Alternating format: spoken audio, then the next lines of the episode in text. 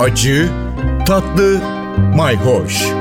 Yemek kültürü yazarı Aydın Öneytan'la bir tutam tarif, biraz da tarih. Merhabalar. Yassı ekmeklerin Akdeniz çevresindeki yolculuğu gerçekten enteresan. İtalya'da da çok benzerleri var demiştik. Hatta Antonella Pasqualone direkt İtalya'ya atlayarak Sardunya adasına e, bir hat çizmiş. Gerçekten de orada çok ilginç bir ekmek var. Bizim saç ekmeğe benziyor ama hafif mayalı bir hamurdan. Yani saç üzerinde yapılan yufka ekmeğin neredeyse aynısı. Ama bir taraftan bizim Güneydoğu'da kübban ekmek olarak bilinen ve hakikaten bir kubbe gibi böyle kabaran, içi hava dolu bir baloncuğa dönüşen ekmekler vardır.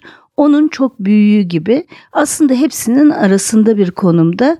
İtalyanlar buna carta da musica diyorlar. Bu ekmek o kadar ince olurmuş ki müzik notalarının yazıldığı kağıt kadar inceymiş. Buna pane carazao diyorlar. Pane karazao, pane ekmek demek zaten. Karazao ise pişmiş anlamına veyahut da kızarmış anlamına geliyor. Teknik olarak kübban ekmeğe benziyor dedik. Evet çünkü hamur yuvarlak açılıyor. Bizim kebapçıların gözdesi kübban ekmeğin çok daha büyüğü gibi.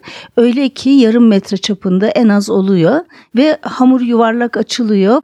Bildiğimiz fırına atılıyor normal pide fırını gibi. Nem buharlaşınca kabarıyor ve e, kocaman bir kubbe gibi oluyor.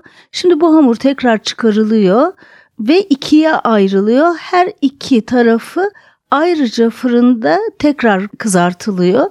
Dolayısıyla kuruyor ve uzun zaman saklanabilir oluyor. Yani bizim aynı saç üzerinde yaptığımız kışlık yufka ekmek gibi bu kadar benzer.